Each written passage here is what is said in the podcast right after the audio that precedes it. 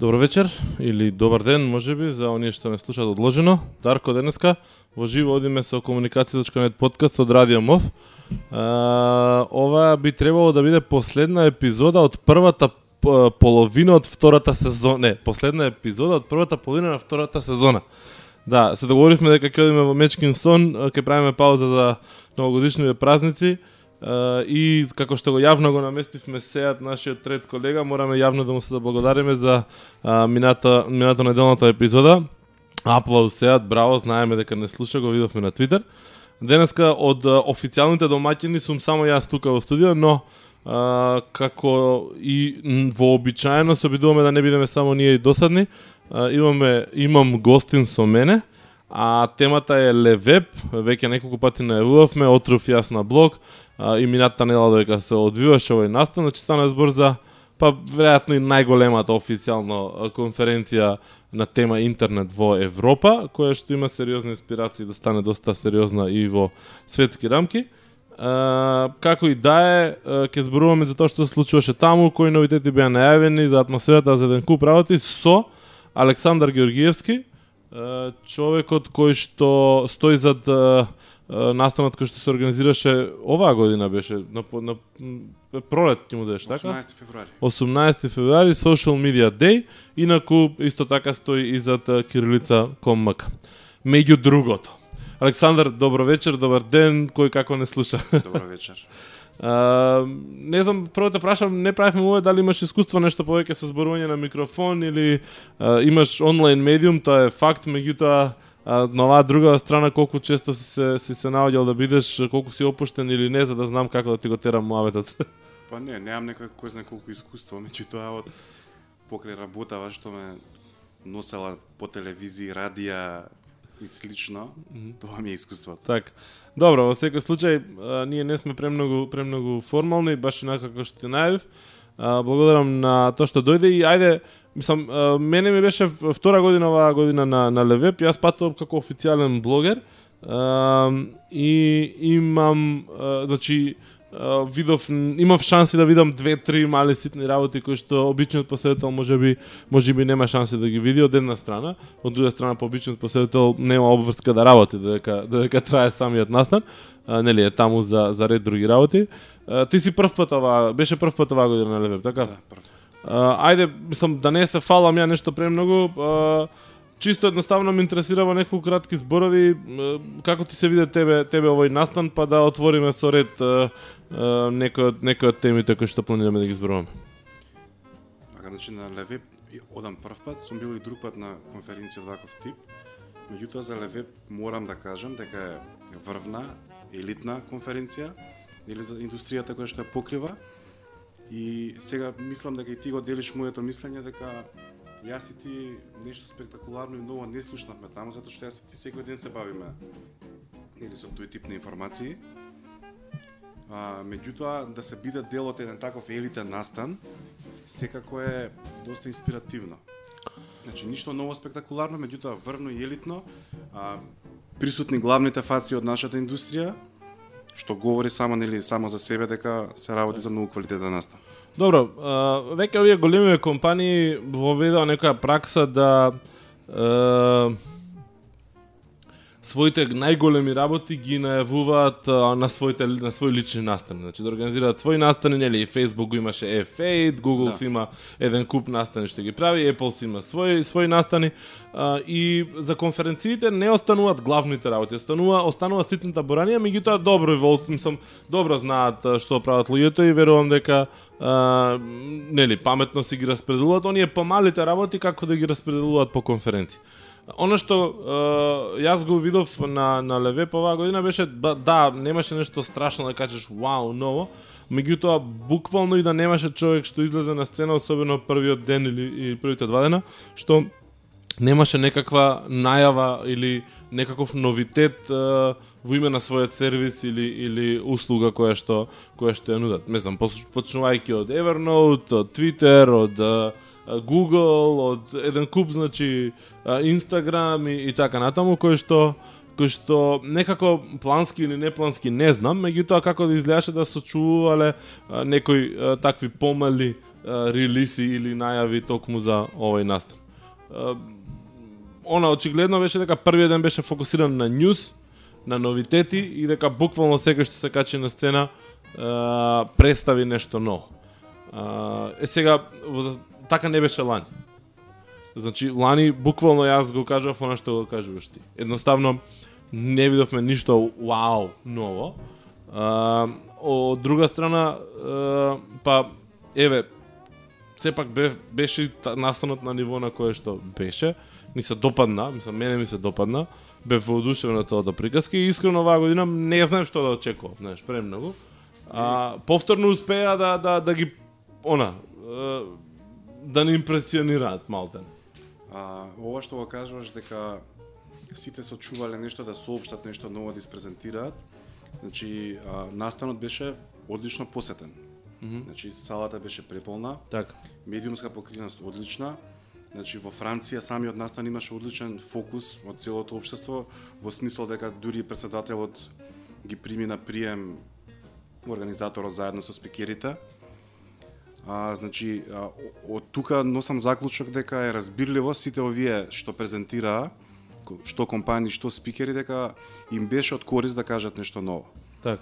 Еве, да го кажуваш за пример Evernote, mm -hmm. нели секако а, со или без Левеб, тие ќе извадеат две нови апликации, меѓутоа, веројатно овде доста битни луѓе го слушна на тоа. Так или Flipboard. А, баш тој ден Да, го заборав Flipboard. Баш тој ден а, ја презентираше апликацијата за iPhone. Mm. До тогаш одеше само на iPad. Да, чекај малку само кратко. Evernote презентираше две нови апликации кои што се некако врзани со нивната основна Evernote. Едната беше за храна, а другата беше за Не уврзно се врзани. Значи може да бидат врзани ако немаат тематски немаат врска една со друга. Значи едната беше за храна, а втората се сеќаваш за што беше? Едната е ако ја прв пат те сретнав да, да кажеме дека те сретнав на Левеб, ќе те сликам и ќе да. те запамтам како так. контакт. Значи таа им беше значи, Evernote Hello. Так. Има уште една за храна, Evernote Food. Так. Е, а, флипборд, мислам, јас се воодушевив од човекот што излезе на сцена, стварно, мислам, кој ќе каже човек дека во портфолио работно го има Netscape, тоа што е се јасно да. од кај доаѓа, што прави во меѓу време и од кога доаѓа. А, и всушност ти станува јасно како една толку, нели, квалитетна апликација која што многу луѓе ги остава без диф, онака и зависни ги прави. Може да стане така, дека не е тоа некаков стартап на деца од 18 години направен, туку дека доаѓа од луѓе со многу искуство. Мислам, мене ме воодушеви човекот со, со Flipboard. Uh, тие најавија на, на минато неделниот левеб uh, апликација за iPhone. Uh, ако да, апликација за iPhone објавија. Не, не најавија, туку ја лансира. Ја лансира. А најавија, односно, меѓу редови најавија и за Android. Аха, е така ако добро успеа да прочитам овие денови, иако беше доста гужва, има проблем со апликацијата. Значи има премногу барања, да. па извадија нов релиз затоа што им крашираше, им падна, па се извлекоа, меѓутоа не видов нешто претерано многу хейт дека имаше, мислам дека имаше некои негативни коментари за за тоа. Иако морам да бидам искрен, не следев баш премногу. Јас се обидов тој ден да ја инсталирам, не успеав. Вечер, вечерта инсталирав, не успеав да ја стартувам. Аха. Следниот ден работеше веќе, а тоа и го соопшти на својот блог. Аха. Flipboard. Пошто јас за самиот додека зборуваше човекот ја симнав ја ставив и функционираше. Мислам, може сум бил еден од ретките што што имале среќа во во тој момент. Како и да е, нели, еден чекор, еден чекор доста а, доста напред во однос на во однос на тоа. Мислам, самиот човек кажуваше дека пазарот за за iPhone и iPod е доста поголем отколку iPad уредите. И она што мене ми изненади, не знам дали тебе ти беше тоа тоа е, изненадувачки факт е што Flipboard го има на 10% од iPad-ите. Тоа не, не го чув, тоа Мгм. не го чув. Мгм. А ти изненадува дека е малку или Да, многу? ја некако мислам дека би требало да биде повеќе. Не знам зошто. Онака, ја нити имам iPad, нити имам Да. Flipboard, меѓутоа некако имав чувство дека сите што имаат iPad некако ми го спомнале во една или друга ситуација Flipboard. Особено што на почетокот кога почна да излегува iPad, кога излезе iPad и кога многу весници се обидува да направат нови апликации, вебсајти Да. и така. Но Flipboard беше доста жешка тема затоа што е, ги е, Ги превзема вестите. ги превзема вестите и се буне дека агрегира им, ги зима публиката и така натаму и така натаму. Знаеш, а, ете, мислам дека е тој исто така многу интересен аспект да го збориме.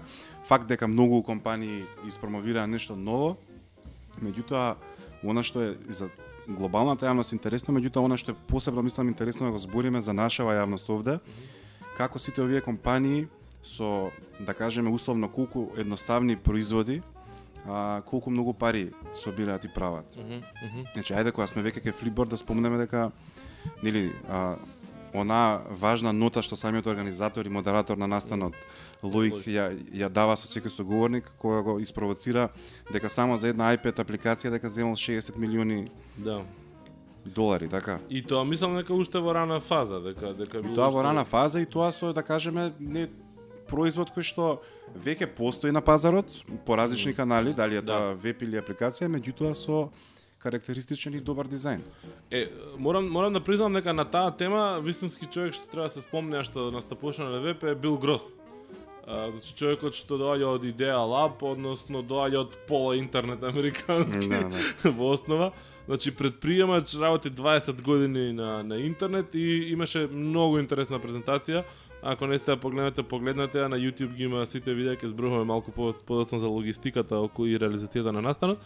Значи човекот зборуваше 20 совети од 20 стартапи а, негови и а, буквално мислам нели растураше на сцена, секоја чест, професионалец, нали во, во секој поглед.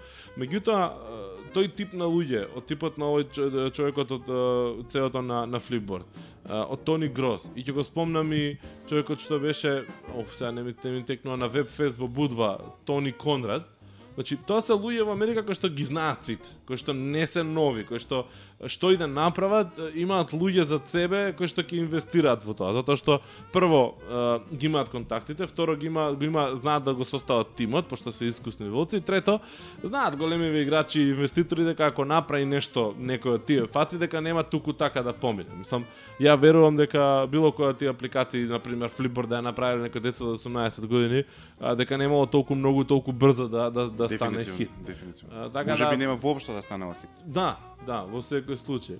Така да, тоа малку со, со, со Америка и со раните инвестиции и со големите пари што влегуваат, мислам, доста е, доста е мејор. Мислам, последниот ден имаше анализа, мислам дека беше последниот ден, имаше анализа е, кога на Forrester Research, кој што буквално човекот преку бројки, преку еден куп разноразни други параметри потенцираше дека сме во уште еден меур. И дека во Америка овие 6 Да. милиони, 100 милиони, 500 милиони инвестиции кои што летаат, даваат, Да.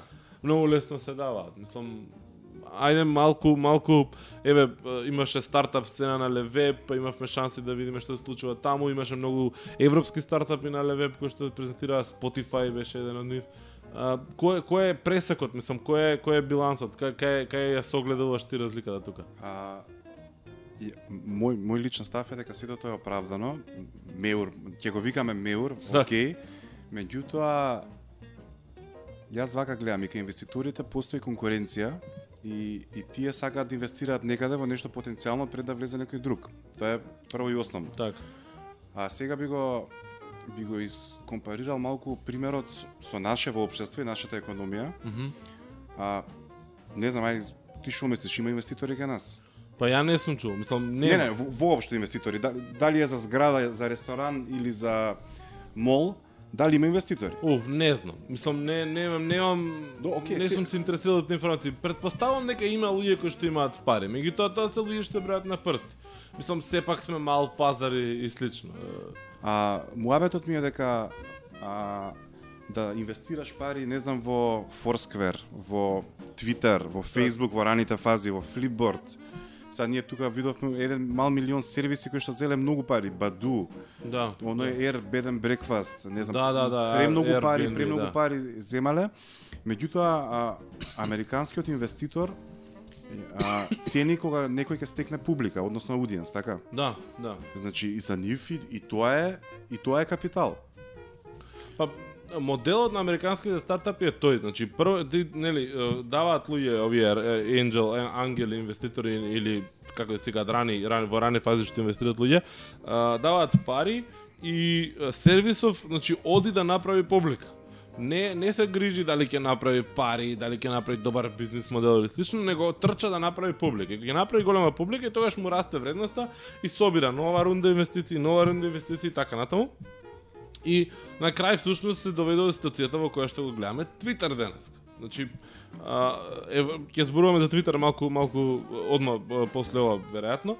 А, но паралелата од она што го согледав ја европските е, стартапи, ако може и така да ги наречеме, мислам погледни го Spotify, погледни го Deezer или нешто слично, мислам погледни тие тие Баду и така натаму. Мислам Баду иначе руски руски сајт кој што ве спојува со луѓето кои што е во физичка околина ваша. Основачот е од Русија, иако мислам дека Така?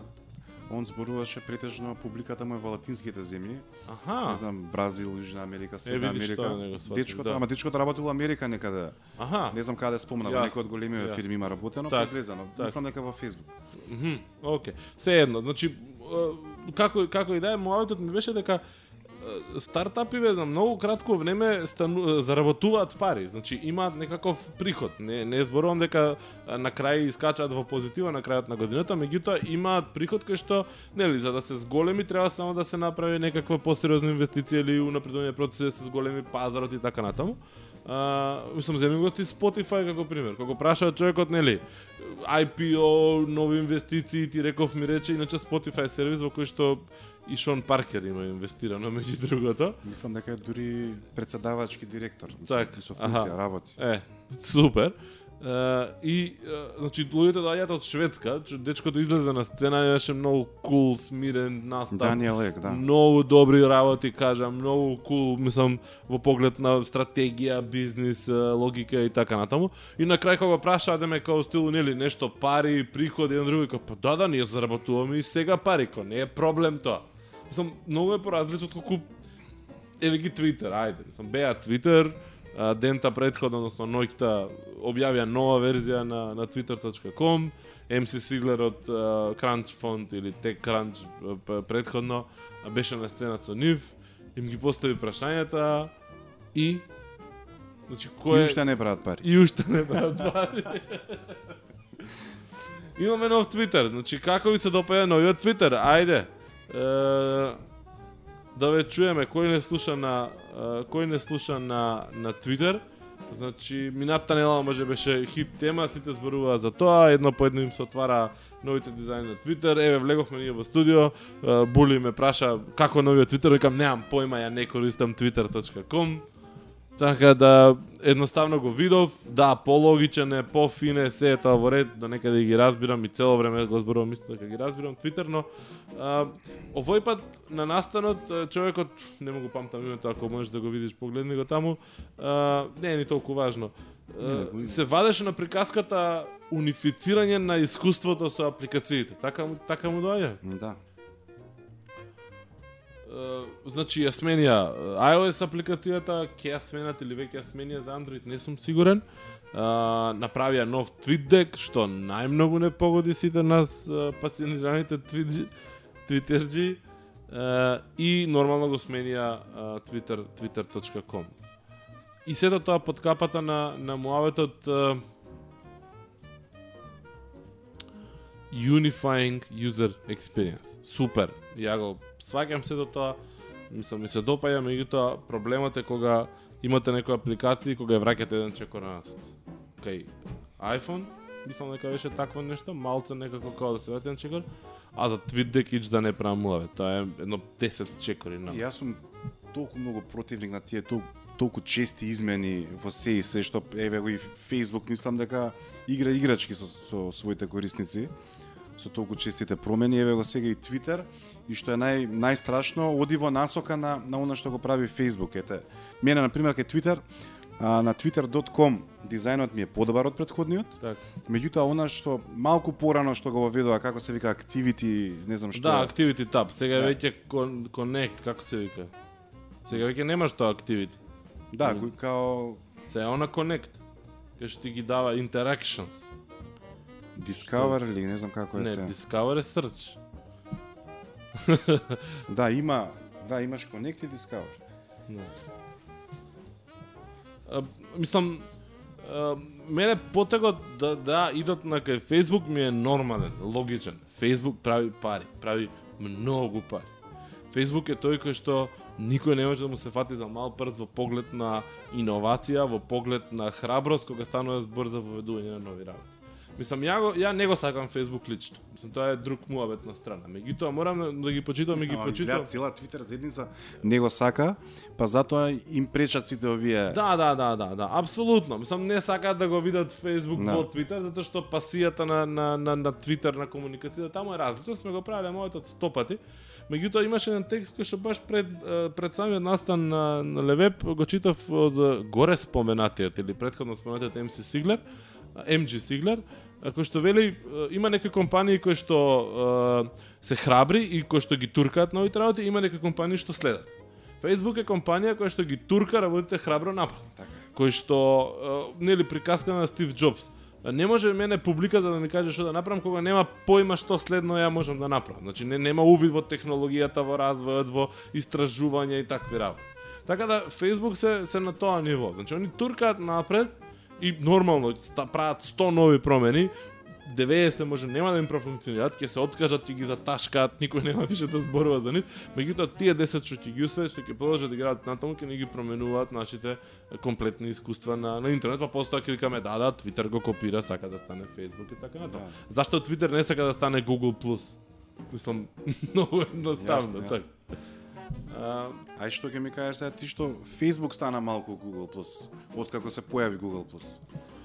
а, во смисол на тоа дека воведе некој од работите, И па да, отвори малку повеќе. Да. Па одговор на конкуренција. Сам сепак Google да да да да ти биде конкуренција не е мала работа. Али па, па паметни Ам, чекори повлече. Пази, она што го гледам ја е дека всушност овие големи сервиси си нонстоп си се надградуваат, односно се зимаат еден од друг. Во смисол, логаут копчето на Facebook прво беше поставено скриено десно на дропдаун. Први они го направија тоа.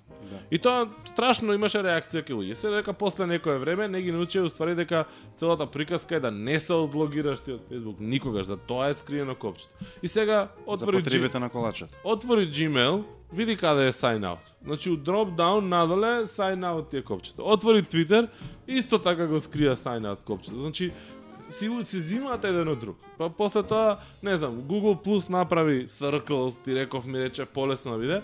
Оп, Facebook го зема тоа. Значи нормална е нормална е таа работа. Мислам не го гледам тоа како нешто копирање, тоа го гледам како заедничко унапредување. Мислам интернетот не можеш да го скриеш тоа. Мислам не можеш да скриеш нити како е Не направено. има ни целта. А, Еве ај за Левеп уште кога сме веќе кај оваа отвореност и транспарентност сакам да кажам а, настанот беше врвен, одлично посетен и многу скап за да се присуствува. Меѓутоа, се што се случи таму го имаме поставено на YouTube. Да. А, Значи, веќе а, светот, развиениот свет го нема тој комплекс да ги крие работите, така. туку а, напротив сака се пофали со тоа што се случувало таму. Е сега оној бенефит да присуствуваш лично, а од, дефинитивно луѓето го препознаваат и знаат што значи да бидеш таму, а што не. Така. А, значи, она што мене многу ми се допаѓа во поглед на организација, ја бев она баш воодушевен од, од целата логистика и од продукцијата и сите тие работи и непрестанувам да го зборувам тоа.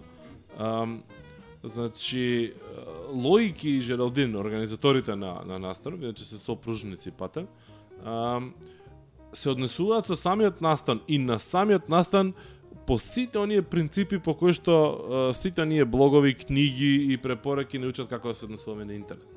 Значи максимално транспарентно, максимално искрено, максимално отворено, се со цел да изгледат пресрет на на публиката, на оние кои што го прават настанот да биде да биде тој и таков. И ако го погледнеш видеото кое што значи има традиционално пред пред ден, дента пред да почне настанот, двајцата организатори имаат тура со блогерите кои што ги шетаат на сите места на самиот настан и им кажуваат што се случува, што ќе се случува каде и некак, некакви онакви баш тривија и интересни детали околу самата самата организација. И на пример Лоик кажуваше како лани просторијата што му била за него доделена да седи и да следи како тече конференцијата, била не гледала не немала ви, она директна директен поглед на Бина, а, и како делот со спикерите, односно со говорниците кај што бил а, лончот и како да се вика тоа делот за за спикери е беше во другата зграда комплетна, мислам во другата просторија а, и се случило во еден момент да заврши програмата на сцена 8-9 минути порано од планираното mm -hmm. и да останало она како те, празен простор на сцена. Да он додека сватил дека има празен простор, се убило трчање за да стигне на сцената за да пополни некако, да, знаеш, за да нема таков пропуст.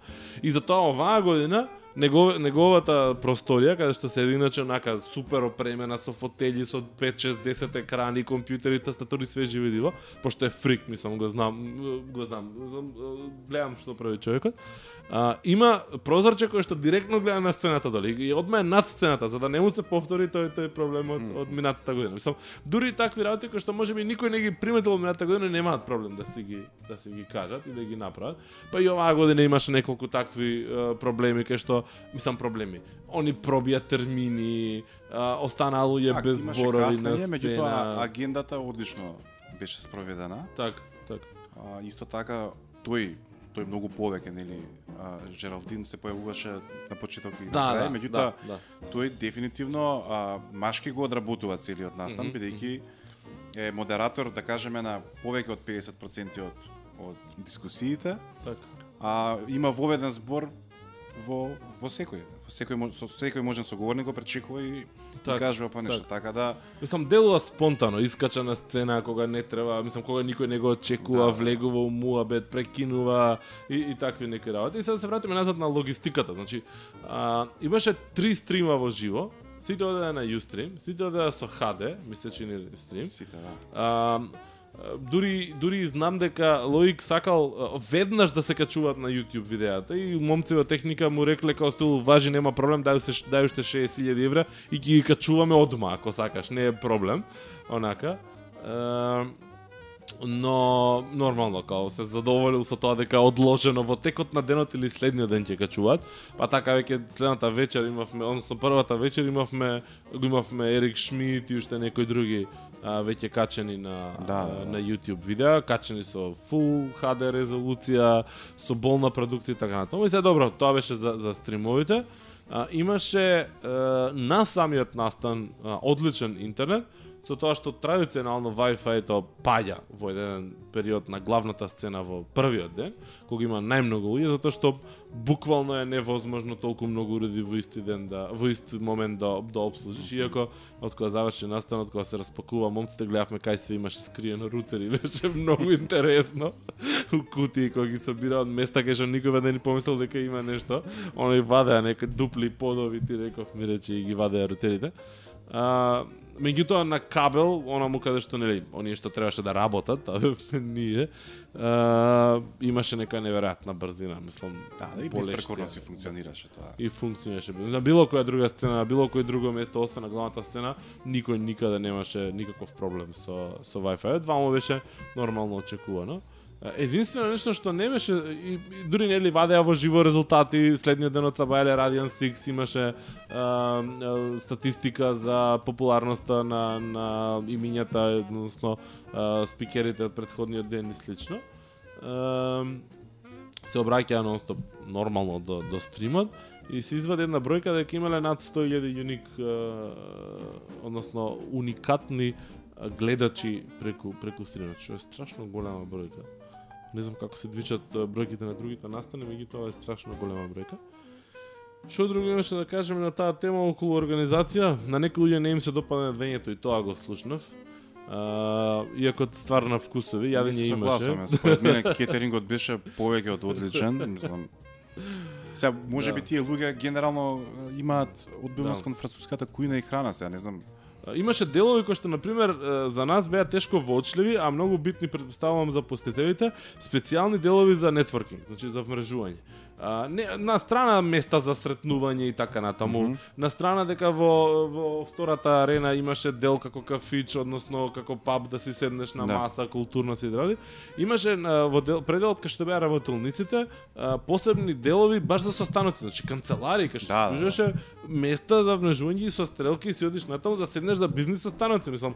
А, приказката со со со Леве всушност е таа, значи вмрежување и склучување на нови бизнис делки. Имаше страшно многу бркање на инвеститори. Тоа тоа го гледав, го знам си, значи имаше многу инвеститори, имаше многу стартапи кои што не беа никаде официјално представени, а тука беа како мршајаци околу вртеа Тоа ми цело беше поентата преска која реков, они се што видовме таму се извадија на на YouTube и на интернет, меѓутоа оној екстра бенефит кој што можеш да го осетиш само ако присуствуваш таму е нетворкингот и практично да ги видиш сите луѓе, сите релевантни луѓе од твојата индустрија.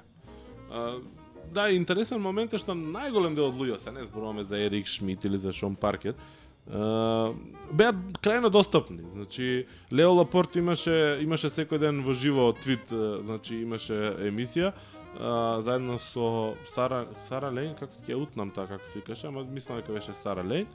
А, дури во еден момент кога беше Ерик Шмидт на сцена, од што сите беа тоа е објаснувањето нова, сите беа на главна сцена, а, нашиот пријател Иван Брезак бркан од нетократија, всушност беше дел од твит, значи од му беше гостина Лео Лапрт кој што зборуваа за сцената, стартап сцената а, во регионот едно добри 30 на минути.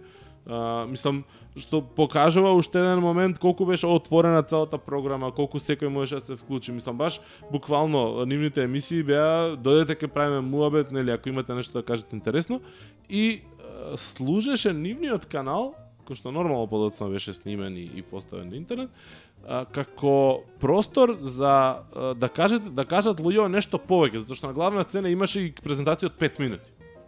Значи демо, искача човек, прави демо на нова апликација или некаков сервис, вика фала многу пријатно, чао, толку 5 минути, значи програма и нормално имаше делови со еден сат. Да. А, беше супер одмислено. Кој колку платил зависи. Е тоа ми беше прашање, мислам, не знам. Што мислиш, плаќаат тие што што искачат на сцена и што зборуваат? Па Twitter сигурно не плаќа, Добро, не зборувам. ама Uber сигурно плаќа. Мгм. А, затоа што се промовираше во момент кога лансираше нов производ Так. во Париз. Така. А, Google плати преку спонзорството беше Добро, индиректно, да, Да. не правиме муавет за таков тип. за на- еве не збориме некој добил сат, некој добил 5 минути, така. Да. Јас мислам дека а, а, можеме, не знам, сега да не кажувам имиња, да не излезе реклама или не знам што, и од Македонија некаде да отиде, сигурно ќе му биде дадена можност под одредени услови да излезе да збори на сцена. Така. Зошто да не? Слободно може да спомнеш имиња, ние не се грижиме за нашите Не, не, спонзори, се Не, не, па, паушално ќе го кажев, па да не ми се замери што ме кажуваш или што не ме кажуваш. Дури не знам у моментов. Не е не е важно. А, значи има една програма која што сигурно знам дека не не треба да се плати за соучество, а на таа програма имаше луѓе кои што малта не индиректно и промовираат свој сервис, тоа е Ignite. А програмата, Мгм, односно мгм. ние кратките презентации со Знам, 20 да. слайдови, секој слайд по а, 6 секунди или ка, што е, стално го промашам тоа 20 слайда 20 секунди по слайд така беше ми се чини е, некои од нив беа интересни А, минатата година имаше некој кој што предизвика огромни аплаузи, оваа година имаше некој кој што беа така полудупки, полупразни, меѓутоа имаше неколку добри добри презентации. Мене особено ме ме воодушеви она на а, професор ли беше или истражувач беше од некој универзитет американски кој што зборуваше за технологиите, па какви истражувања тие работеле, па дека се отворени за соработка, па да им даеме податоци, па сервисите на податоци за да вршат следење на на тоа како се променува однесувањето на луѓето и така натаму, мислам покажа страшно интересни работи. Мене тоа ме интересираше, што не беше директно поврзано со некој конкретен сервис. Имаше некој кој што за витка демек совети, па на крај кажа користете го овој сајт или ова оваа презентација, меѓутоа ете, дури и за таквите Левеп има простор. Значи, ако имаш идеја, ако имаш нешто иновативно, сакаш да, да го спремиш, да го кажеш, еве ти шанса. Мислам дека лани ја започна таа шанса, така да таа таа практика и очигледно ја продолжи ја продолжи ова. Добро, тоа Тоа е тренд веројатно секаде, гледам и на други конференции го има. Да, Секаде има и стартап сцена и девелопер и гейминг и така да ги има тие работи. Така. Не знам, ја бев не претежно, него 100%, 100% од времето го посветив на главната сцена, затоа што не знам, ми, ми интересира. деновиве, деновиве на мейлинг листата на, блоги, на официјалните блогери на Левеб, кои што се прилика 70-тина, а, вчера и денеска се вртеше едно, едно прашање, топ 5 работи на Левеб. И отприлика најголем голем дел од луѓето споделија кои биле топ 5 работи за нив на, Можеш на да кажеш Левеб. сега, баш ме интересира. А, ја можам да ти кажам кои беа моите. А, само секунда да отворам мејлот, ти во меѓувреме можеш да размислиш да ми кажеш а, кои се твоите. Дали дали дали можеш да смислиш кои ти беа топ 5 топ 5 работи на на Левеб тебе. Добро. Само чекај да видам јас да го најдам ова, нема да ми биде баш премногу лесно, ама ќе пробам да се да се сетам. А, не. Значи вака, едната беше сигурно Рамон, Делеон или Делаон, како Што беше да тоа со беше. пиците? Тоа беше човекот со пицата. Добро. А втората работа беше флипборд. Третата работа беше е, веројатно журката. Четврта ми се чини дека беше журката. Четвртата работа беше Сега за твоите збориш, така? Да, за моите, само Лагерфелд? Не го ставив. Не го сте? Не го ставив иако гледав дека премногу дека многу луѓе го има а, го има ставено што ме се допадна. Ама јас не го јас не го ставив. Види, човекот беше освежување, дефинитивно. Апсолутно. А, тоа ти е, мислам, долови една перспектива која што не треба да се Еве ги, Отвари. извини, значи без некаков редослед. Uh, Think Things, бендот на журката, Flipboard, Startup Bus, uh, продукцијата и организацијата, значи комплетно и Рамон де Леон, ти, де Леон, тие се, тие се петте работи што што мене ми ставија впечаток. Ќе кажуваш твој пет? Па не знам, Значи сега- Лагерфилд е еден, ајде па ќе зборуваме малку за Лагерфилд, Да. зашто беше добар? Лагерфилд.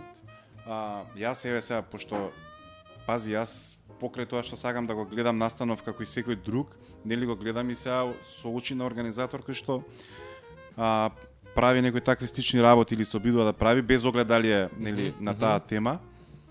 А, целата програма се одвиваше како од отворено студио, не знам, на некоја ТВ емисија од отворен тип која што има а, спонтано действие и програма. Значи мене тоа премногу ми се, ме, ми се допадна. Обично на ваков тип на конференција одиме, па ќе излезе еден, па ќе пушти PowerPoint, па ќе збори за секој слайд. Е овде немаше такво нешто. Так. Овде гледавме луѓе и веројатно од време на време поддршка во видео или или или интерфејс од неговата Да, апликација. оваа, го- оваа година за разлика од лани, тоа што го приметив е што многу фокус се одеше на на прикажување на некои од работите во живо, значи на телефон, на Да, да, компјутер, на да. на iPad, на што и да беше, значи во живо кабел и горе на на Па ја мислам дека ни 5% од, презентациите не, не користеа слайдови и PowerPoint. Значи се беше многу на повисоко ниво. Да, да. Па вака кога кога ќе размислам, уствари освен овие што беа Ignite кратките кратките презентации, е да не ги броиме нив, на прва што ми текнува кој користеше слайдови, всушност ќе се сведат на Бил Грос и на типот што зборуваше за за што би што би ги советувал стартапите односно предприемачите Стив Джобс, како се каже авторот на книгата Да, Secrets of да. Presentation на Стив Джобс, значи тајните на презентациите. белешки колку што можев. Така. Значи имаше еден автор, е само нив двајца е, можам да да се сетам од прва дека стари основата им беше PowerPoint презентација. Меѓутоа апсолутно презентациите на двајцата беа мислам многу многу добри и воопшто не беа а, не беа досадни. А оно што се случуваше на главната сцена и што нема презентации, што кој што има муабет, е топ баш онака како што идеш, пошто има многу спонтаност, пошто нема нема класична режија. Дури да има режија, мислам дека е мислам дека е онака бегаат од, од, од тоа грубо да го наречам сценарија. Мислам погледнати искачат на сцена и си го продолжуваат или си го почнуваат малото уште додека одат, па не, не се знае кој кај седи, значи се случи во една ситуација на на втората сцена а, да сите да седнат на истиот кауч. Значи и водителката, мислам дека беше гркинката, гркинката од Да, од а, Што што ти се допаѓаше гласот. а, как се каше Алексис од TechCrunch, Uh, испадна дека уствари со двајца момци и то онака баш крупни момци на исти кревет сите седна и така остана, мислам така си одеа, не не се преместува, не знаеа кој како ќе се, мислам баш онака спонтано да. uh, функционира атмосферите, она функционира сцените. Добро, значи што кажав Лагерфелд, да. а, начинот на изведување на програмата. Добро. А, Ерик Шмидт мора да го да го споменем, он, он, он веројатно он и Шон Паркер беа главните селебритис да. на оваа да. конференција и тоа е голем плюс. Не знам кај Ерик Шмидт беше голем минус тоа што да кажеме една четвртина или третина од време да го искористија да промовираат ice cream сендвич, некој оперативен систем за на Android што е тоа, што ми беше несватливо се, сите чекаат да слушаат што ќе збори човеков. Mm, mm. Значи тоа беше некој минус и небитен, минорен е.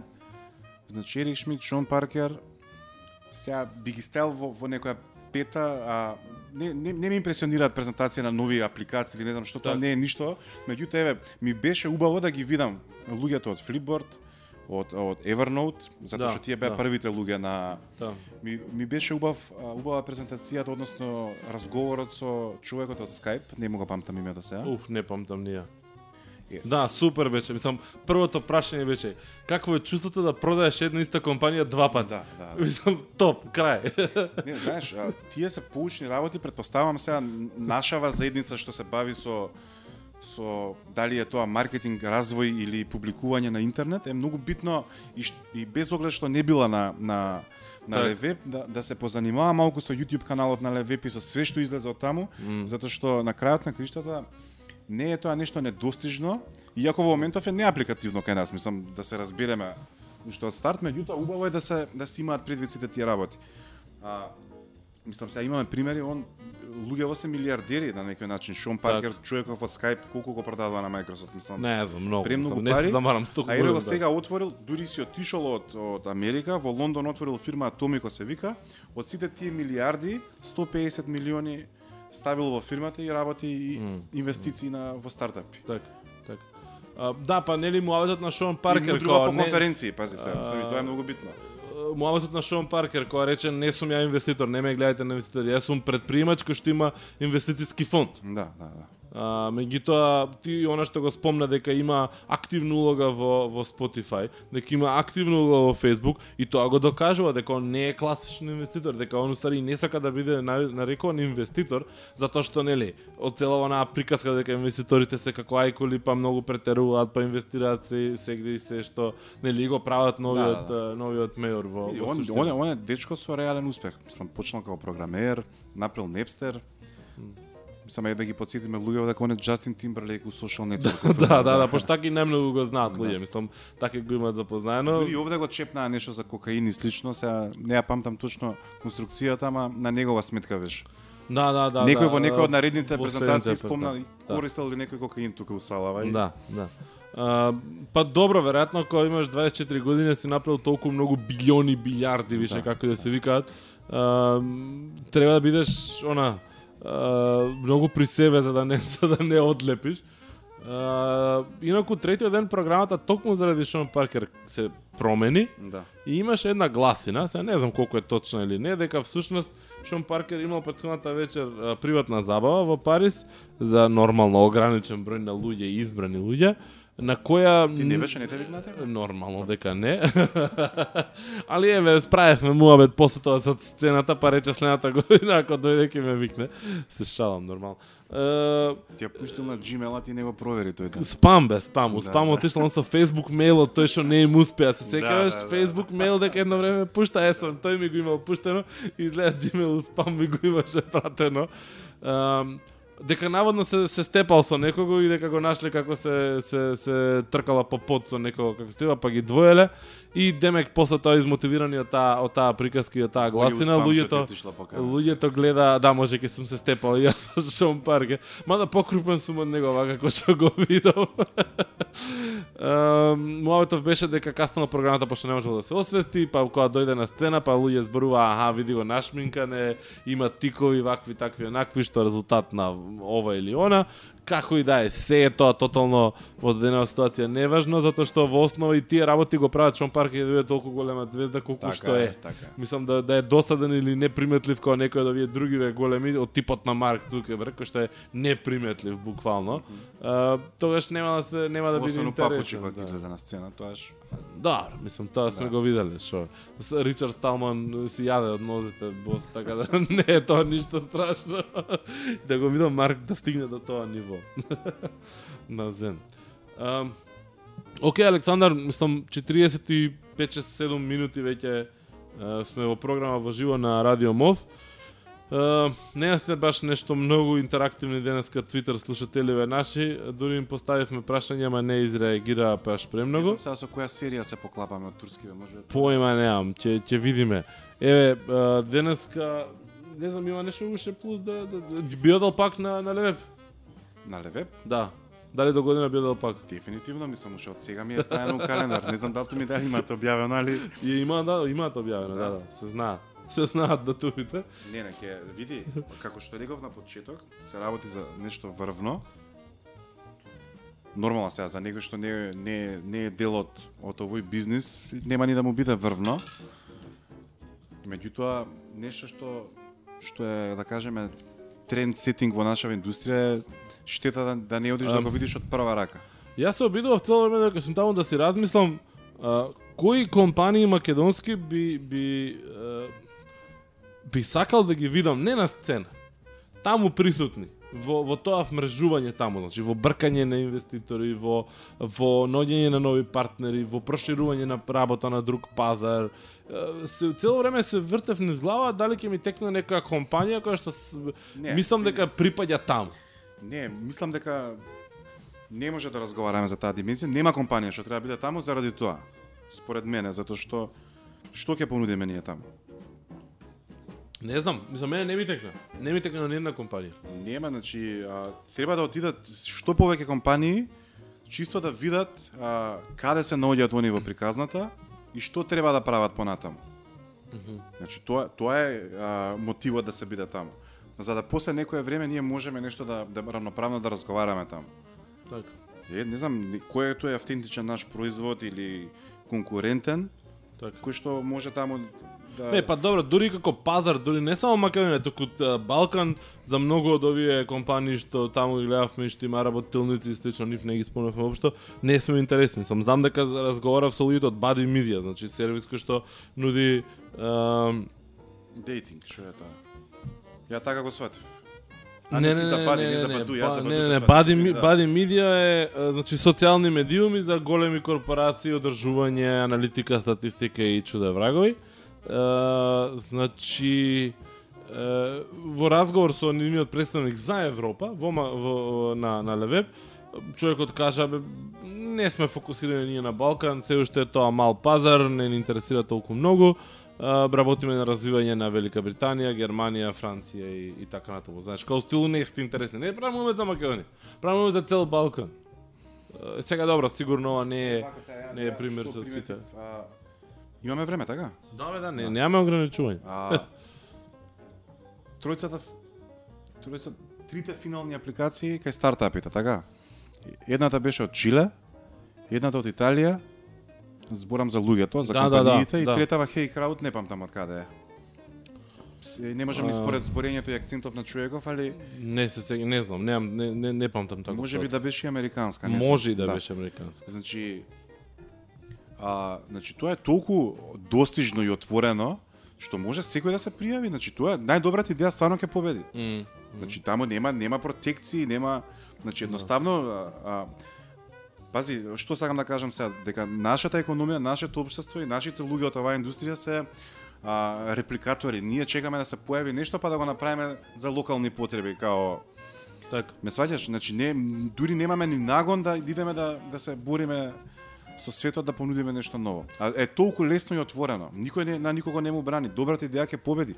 И и ваков тип на конференции се добра шанса за некој да да успее, затоа што знаеме како ус- успеваат или Силиконска долина, кои што се 99%, или 1% еве луѓе кои што биле некаде со јаки лоби групи, со Да, ама ете Ерик Шмидт нели отвори отвори врата за нова Силиконска долина, дека е конечно време во Европа да се направи конкуренција на Силиконската долина и дека тој ја, го, ја гледа новата Силиконска долина, европската, не во не во некој оддалечени одда, оддалечени места од некакви урбани средини, туку напротив во урбаните средини, затоа што таму се младите, таму се случувањата. А, и неле ги спомна како како можни градови каде што во Европа може да се случи тоа Лондон, Париз, Берлин и слично, кои што веќе а, жестоко се надпреваруваат да го земат тој примат. Мислам дури а, и Лондон и направи Silicon Roundabout или Силиконски кружен тек Да. а, во во Лондон каде што ги се обиде да ги прибере поголем дел од а, IT IT компаниите, мислам интернет стартапите. Така да ете нешто што е поблиску поблиску до тој некаков идеал или како и да се вика и до таа до тој некој до не, тој некој сон кој што е многу поосварлив е, за за за локалците, мислам. Од друга страна па ајде е, е, дали го го го ти се допадна моментот на е, или или како да го преведам, не знам, на на себе нудење или не знам, остварување на контакт на а, со овие големи инвеститори на сцена. Мислам, дечкото што станеше му кажа на Шон Паркер, јас сум ти син, само Да, што ти да, не да. ме знаеш така натаму. Украинка, русника, нешто. А, што да, а, де, дечките од а, Сибир кој што лани го направија истото, направија некаков вирален вирален момент на самата конференција, носеа некои надписи на мајци и слично, па и побудија симпатии кај дел од овие инвеститори, па им да, оваа година ги видовме дека им дале пари и дека сега веќе направиле апликација и има 5 минути демо на апликацијата. Мислам, зарем зарем тоа не може да го направи некој што што доаѓа од овој регион, да кажеме. Нормално дека може само треба тоа мислам ете ако збориме за предприемништво, тоа е предприемништво. Так. Па дури да брендираш мајца, да се изглупираш, Да. не знам оној како се викаше што имаше на себе милион уреди девајси што од Јапонија што дојде, што аха. трчал маратони. Да. Мислам, види, и тоа е идеја, на некој ќе му се допаднеш, на некој нема. Меѓутоа треба да се обидеш. Значи нема никаква бариера, апсолутно. Така. Еве, сега во контекст на ова да го кажеме, овој Даниел Ек од Spotify што кажа, Аха. само момент, негде ми у белешкиве дека а, секоја успешна успешна приказна дека е 5% добра идеја, а 95 екзекуција. Да. Значи, идеи, имаме луѓе со идеи, меѓутоа треба да се изоди патот. Да. Па дури одење на, на нели е ова ти што го кажуваш, лани некој што се глупирал или денес некој што му кажувал дека му е син. Значи тоа е тоа. Јасно. Уште еден битен момент, прекини ме ако ако гњавам. А, Те прекину. е па е чао се гњаваме 2012. Не ме не кажи па и ти сега. Значи, а, мислам нашиот проблем кој е? Еве се возеше со метро у Париз. Да. Не знам дали видите дека секоја баба има iPhone. Да, дека уре, iPhone да, го да. рекламираат, значи они таргетираат а, целна група да купи iPhone, а, луѓе кои што им е гајле за Siri или за не знам што него го рекламираат дека има Wi-Fi и 3G мрежа дека поддржува. Да, да, да. Значи они воопшто не е нам не е премиум производ за некои адванс технолошки корисници, разбираш? Е сега, значи сето тоа произлегува масовноста на пазарот на смартфони доведува да имаш и толку развиен пазар. А кај нас треба некој да помине одличен, изгледа 4 години поред за да добие iPhone, разбираш, премиум производ, не знам. Добро сега, пази, реално и цените се други, мислам, приходите на луѓето се различни, не може да очекуваме нешто Ма нешто добро, и они се криза сега, гаме вести. Меѓутоа, меѓутоа ја тука би би би, би ставил мојот во во во перспектива за тоа што зашто го користат луѓето тој iPhone. Значи, ако ти ја видиш потребата, нема да ти видат страшно многу толку пари да даеш. Мислам, и почувствуваш чувствуваш потреба за кола, одиш па даваш пари и купуваш кола. Мислам, не мора да е iPhone, може да биде било каков паметен телефон. Мислам, да оди на интернет, да има можност за инсталирање на апликации, било да е Android, Windows или или или iOS. Мислам, тотално не бит. Битно е да зашто го користиш, пошто ние знаеме дека има мал милион директори по Македонија што имаат iPhone-и, кои што ги користат само за да вртат телефони да пушуваат SMS И за да на масови кафана. Нормално сега во последно време и си ги мерат на Facebook кој има поише лајкови. Ама мислам онака. А, нели не не, не зборуваме за, за, за, за масовни корисници, за, за она напред, не, па не знам дали се веќе напредни корисници. Не мора се напредни, зборуваме- ама зборуваме треба, за треба го имаат уредот за да корисници, може за да да. може да развиваме за нив, така? Да, да. За да има има локален контент кој што ќе се понуди за за тие паметни телефони, значи треба да ги има многу, не се исплати. Еве ја конкретно може за Кирилица да зборам. Две-три години ја имам идејата да направиме апликација, Така. меѓутоа а, дали вреди за 500 луѓе ти да направиш апликација? Некој направија, не знам која е нивната бизнес логика, ама некој направија. Мислам дали има друга позадина во целата приказка, дали може би не ги коштало повеќе, не знам. Меѓутоа некој сајт, некој сајтови реши да направат хибридни решенија, некој направија посветени а, апликации, немам Де- појма. Денес веќе окей, има оправданост денес веќе со појавувањето на Android и на најнова, најновиот OS на, на Microsoft веќе имаме солидна публика да правиме апликации. Јас зборам за пред две години, апсолутно не, не се исплатеше за 300 или 400 луѓе ти да правиш апликација. Направи му мобайл верзија, нека нека отвара на неа. Океј. Uh, Алек, uh, 50 и кусур минути, uh, виши забегавме во еден куп други теми, здраве Боже, имаме шанси. Uh, ќе зборуваме uh, повеќе во некоја следна прилика. Јас морам да ја одевам тука емисијата затоа што ќе не убијат сите што ќе не слушаат подоцна и оние што имаат емисија Добро. после нас. Uh, затоа што саат време и ја не би слушал претерано многу долго било, ама нема да им Така. кажеме се дека не стигна до до од емисијата. Uh, едноставно uh, убави празници да им посакам uh, во името на мене мите и сеат како uh, креатори на комуникација.нет подкастот, на сите што не слушаат, ќе не слушаат или не слушале. И поздрав! Поздрав и од мене, фала за